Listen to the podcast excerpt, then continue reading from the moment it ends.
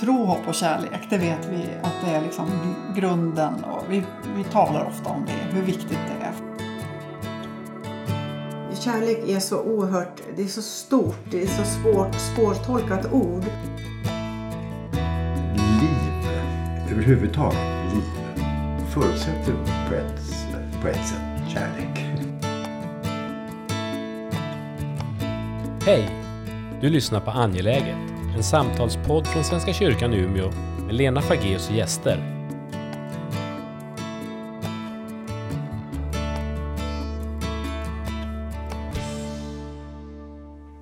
Då vill jag hälsa er välkommen tillbaka. Satt du, Alexander? Mm, tack. Och du som lyssnar förstås. Vi tänder ljuset. Nu har jag tänkt att vi ska börja i en annan ände. Eh, förra gången så pratade du, Alexander, om Eros och Thanatos. Men eh, för en teolog så finns det ju några fler ord, typ agape. Eh, så, och jag har ibland, såna här, får ibland allergiska utslag hos, för att det finns så många i kyrkans värld som pratar om att Gud är kärlek. Och eh, Det blir liksom som en klyscha nästan. Men eh, jag var på ett föredrag och har börjat läsa egentligen alla böcker av Werner von Rand. Om ni inte är bekant med honom så läs Werner von Rond. Eh, han var på vårt eh, Teotalk i augusti 21, 2021. Det var, ja men han vände upp och ner på, på en massa begrepp. Till exempel så pratade han om tro, hopp och kärlek. Det vet vi att det är liksom grunden och vi, vi talar ofta om det. Hur viktigt det är för, för människan och för för Guds rike och för kyrkan och så. Men han sa det att, det har, att börja med tron har nästan alltid ställt till det. För då börjar vi med dogmerna och, och listorna på hur man ska tro. Och då är det så lätt att man också säger att du tror inte som jag, så bort med dig. Eh, men han vände på det och sa att man ska alltid börja med kärlek. Kärlek, hopp och tro. För börjar man i kärleken då ordnar det sig det där med olikheter eller mm. dogmatiska eh, riktningar och så. Um, men jag tänkte också utifrån vad vi har pratat om nu de här gångerna. Om det finns i, i många bibeltexter så målas det ju upp en bild av Gudsriket där allt, där Gud ska bli allt i alla och där allting kommer att bli bra. Och vi har i genom eh, årtusenden har vi påmint oss om de där bilderna och hopp, eh, ja men, hoppets, hoppet om att allting kommer att bli bra. Allting kommer att bli bra. Och det, det slår mig att, jag menar, att det finns i botten, botten eller toppen när vi också pratar om kärlek. Alltså någon slags grundläggande förhoppning om att allt kommer att bli bra på alla nivåer någon gång. Mm. Och sen, ja, ni kan få bara kliva in i vad tänker ni om, om detta? Om Guds kärlek, om agape, om hoppet, om världens framtid eller mm. liv, människans framtid. Mm. Nej, men jag, jag tänkte när du sa hoppet om att det ska bli bra så, så tänkte jag att, att jag försöker själv vänja mig vid att tänka att allting är redan bra. Allting är redan bra. Men det är bara det att vi, har, vi människor har en oförmåga att ta till oss den här kärleken som finns i grunden, eller som, som är alltings ursprung och alltings mål. Jag kommer ihåg när jag läste teologi för länge sedan så skrev jag, alltså det enda jag var intresserad av egentligen det var mystikerna, hur de, deras sätt att beskriva Gud på och då var det ju mycket ljus. Alltså, man pratade om det icke-skapade ljuset, att det finns en, alltså att, att i Guds essens kan vi inte se honom eller prata om Gud eller relatera till, men i hans, genom hans energier lär vi känna Gud. Och då, då tänker jag att i min gudsbild i alla fall så är allting redan gott och vi har det här inom oss. Att det finns en punkt, det finns en plats där allting är perfekt. Det är lugnt, det är tryggt. Där jag är i kontakt med den här med det här icke-skapade ljuset så att säga som är som en slags Som välvillig, ja, med, så använda andra ord, den här strukturen som håller ihop och som vill vår utveckling och så, som vill att vi ska gå liksom mot det här paradistillståndet redan här. Fast jag kan bli provocerad när du säger att det, det redan är. Säg det till de där afghanska barnen som håller på att svälta ihjäl. Eller kvinnorna som, som blir inknuffade i hemmets vrå där borta i Afghanistan. Eller för den delen alla möjliga människor som lever Nej, i men du misär kanske inte här. ska börja med att ha en intellektuell diskussion med någon som lider nöd. Men om det är din övertygelse om att du kommer med någonting som är gott och det lever i dig så kanske du gör rätt saker för den personen beroende på sammanhang. Du behöver inte säga det med orden, du kan visa det med dina handlingar. Att du tror att det finns en kärlek som är starkare än kriget, döden, förstörelsen. Ja, det där, alltså jag tänker många olika tankar där men, men eh, jag, jag tänker mig ändå att det är ju lite, lite kul på ett sätt att den svurne ateisten Sigmund Freud blir så andlig när han talar om de här principerna. Som är då principer eller krafter som ligger utanför oss. Eh, och jag tänker att, eh, att eh, eh, liv, överhuvudtaget liv, förutsätter på ett, på ett sätt kärlek.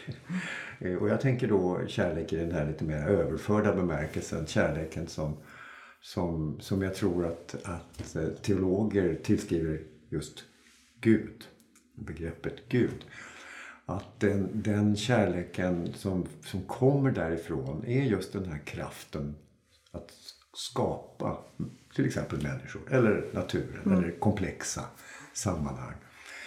Eh, och, och, och därför så tänker jag att utan den kraften eller den strävan så blir det inget liv. Det, så, så kan man tänka sig, tänker jag det här. Och, eh, och när det gäller då eh, jag tycker om den där eh, kärlek, hopp, tro-varianten där.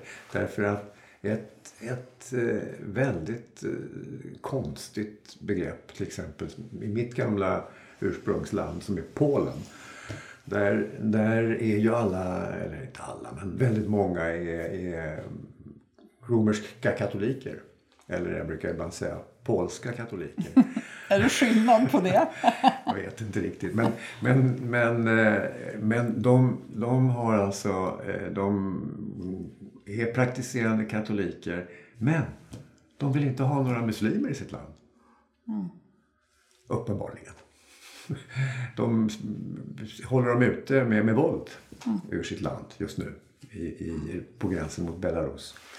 Och, och där, jag, ska säga, jag har så svårt att förstå hur en troende katolik kan, kan, inte kan omfattas utav kärleksbudet. Vilket de uppenbarligen inte gör just nu.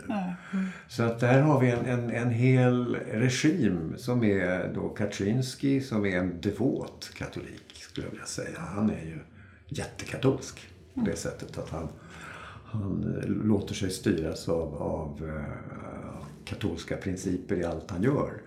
Och han menar alltså att de här muslimerna har ingenting hos oss att göra. Och jag, jag, jag, jag begriper inte hur man får ihop det. Men han börjar ju i tron. Tro, hopp och kärlek. Eh, och eh, i, uppenbarligen är det så att, att för vissa så kan tron eh, också innehålla hat. Eller Ja, man vill på något sätt Ja. bara ha dem som tänker som jag. Ja. Alltså det är kulturella begränsningar för, för att, ja, vilka man ska älska eller inte. Men jag tänker att kärlek, i, för mig, alltså kärlek är så oerhört, det är så stort, det är så svårt, svårtolkat ord. Men jag, jag, pratar nästan egentligen hellre om möten. Alltså att ett äkta möte där du känner dig inkluderad, där du känner dig respekterad, där du känner dig mottagen utan att bli invaderad. För det är de, de mötena som på något sätt blir liksom heliga. Alltså det, det här mötet mellan två självständiga som ändå hittar ett, en, en slags samstämmighet och kontakt där mitt nervsystem synkroniserar sig med ditt och jag upplever en tillit och trygghet och därmed får, ja men känner hopp.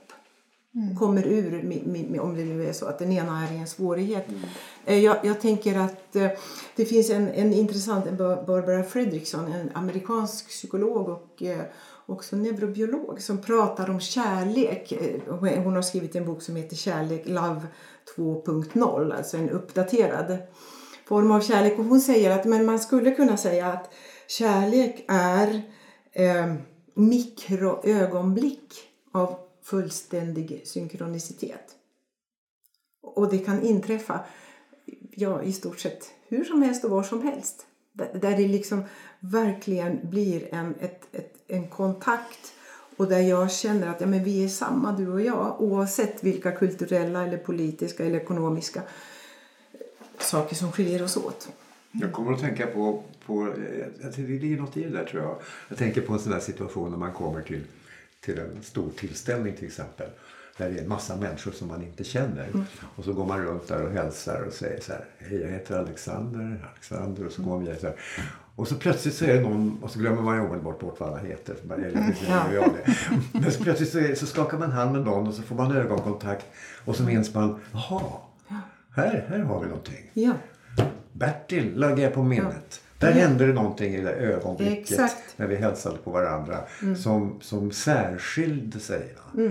Från, från, de, från de andra. just det. Vad är det då? Och det, men det är så att du säger det här. Det är intressant att du säger det här med ögonkontakt. Man ser varandras ansiktsuttryck och läser av. Därför att när vi kommunicerar med varandra så är ju orden så oerhört... Man säger att orden är bara...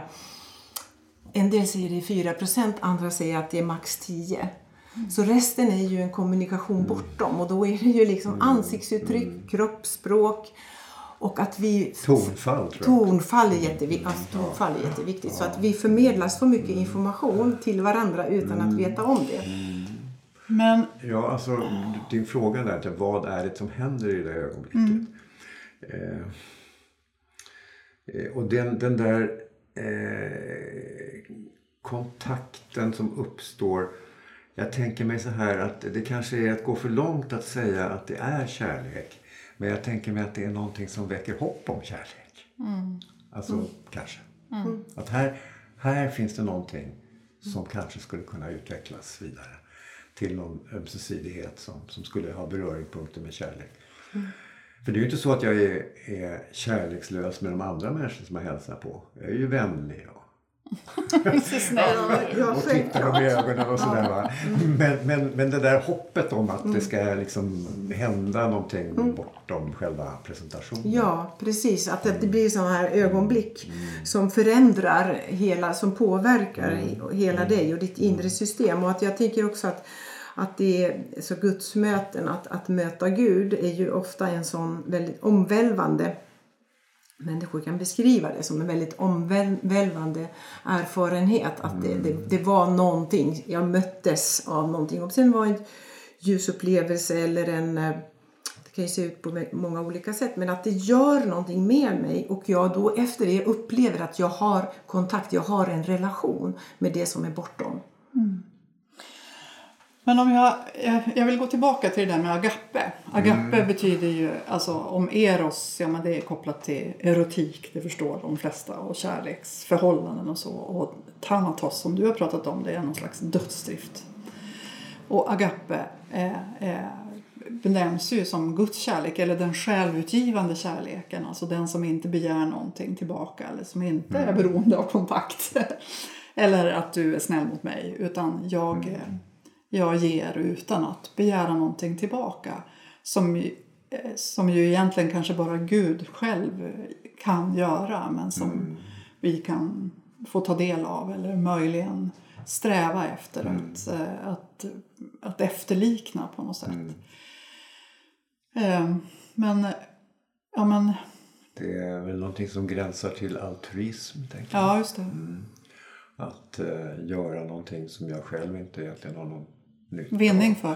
Ja, till och med alltså, i det kristna evangeliet så går det ju ännu längre. Det är ju liksom uppdraget är ju typ att gå i Jesu fotspår. Alltså ge sitt liv för en annans skull. Precis. Lämna hus och hem Ja, och gå ut i öknen. ja. Ja, alltså det där är... Alltså, där är jag kluven. ja. Å ena sidan är jag psykoanalytiker. Och där psykoanalytikerna är ju väldigt torra ibland. Och när det gäller den här typen av kärlek så är de, betraktar de det som en försvarsmekanism. Och då blir det plötsligt någonting som, som också ger mig något. Jag, Om jag gör någonting som är altruistiskt så Ger det mig en så ger tillfredsställelse. det mig en tillfredsställelse. Jag kan gå omkring och känna mig som en lite, lite Gudalik. godare människa än jag var innan jag gjorde det där.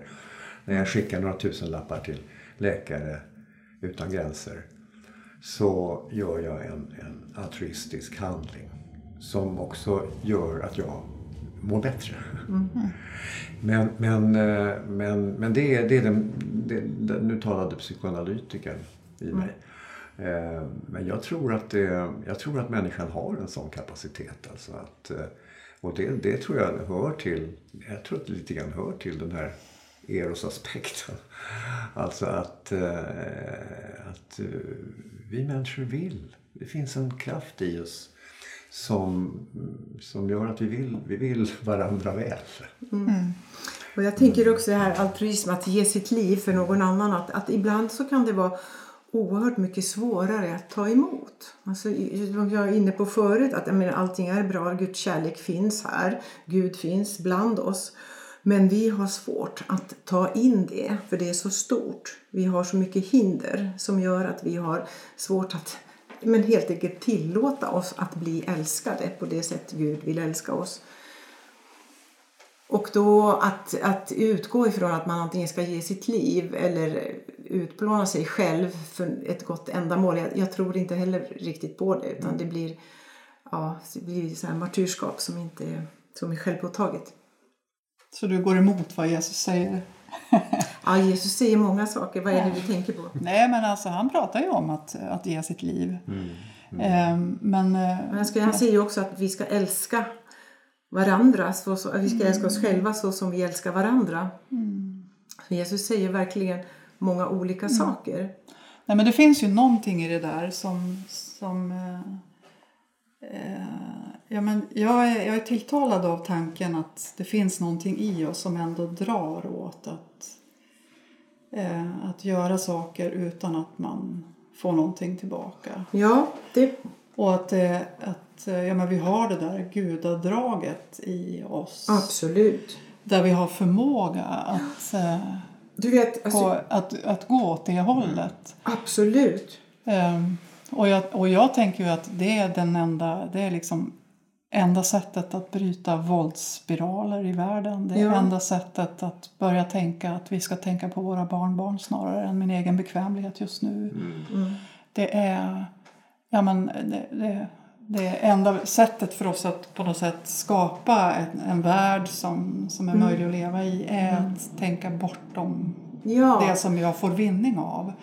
Så att, det, så att eh, ja, men jag, jag, vill tänk, jag vill tro att vi har tillgång till den självutgivande kärleken där jag inte får någonting tillbaka. Abso- absolut, och, och det är jätte, ja, verkligen, det tror jag också. Och det, det är ju intressant att jämföra det här med sån här lyckoforskning. Så den, den största lyckoindexen det får man ju inte av att göra saker för sig eller för en enskild person utan det är när vi gör någonting stort tillsammans som jag inte hade kunnat göra själv eller två. Utan göra någonting stort tillsammans, då, då mår vi. Så då, då har vi högst alltså endorfinpåslag. Så att det går ju väldigt fint hand i hand med den kristna människosynen. Jag tänker också på, eh, du var inne på det här med träden förut. Alltså att det handlar ju också om att inte bara älska andra människor. Utan att också, jag tänker på hur vi, hur vi behandlar djur. Det är inte klokt. Nej. Vi, det är inte klokt faktiskt. Nej. Det är förfärligt. Och, eh, och även hur vi behandlar våra träd och våra Ja. skogar. Eh, Det är, där, där, finns, där finns det verkligen en, ett behov Ja. av faktiskt altruistisk kärlek i förhållande till, till, eh, och den altruistiska kärleken är ju faktiskt också någonting som hjälper mig också. Ja, men det är ju, vi, vi behöver återskapa Precis. vår kontakt med naturen. För Jag är tillbaka i det här med att, att få en, en autentisk relation, uppleva en, ett, ett samspel, en kontakt med naturen. Och det är ju det urbaniseringen har ju gjort, att vi har främjat oss, kommit längre och längre bort ifrån naturen. Och vi behöver absolut hitta tillbaka. Ja, att faktiskt eh, lära oss att eh, älska våra medvarelser så som oss själva. Ja, men precis. Kära vänner, nu drar det mot slutet. Tack så hemskt mycket för att, vi, att, att jag fick möta er så här och föra detta otroligt spännande samtal. Jag säger som jag brukar säga tillsammans med eh, ett antal av mina vänner. Nej men vi har ju inte pratat färdigt! Men nu måste vi sluta. Ja, tack för att eh, jag fick komma. Ja. Mm, Tack så mycket. Och tack du som lyssnar.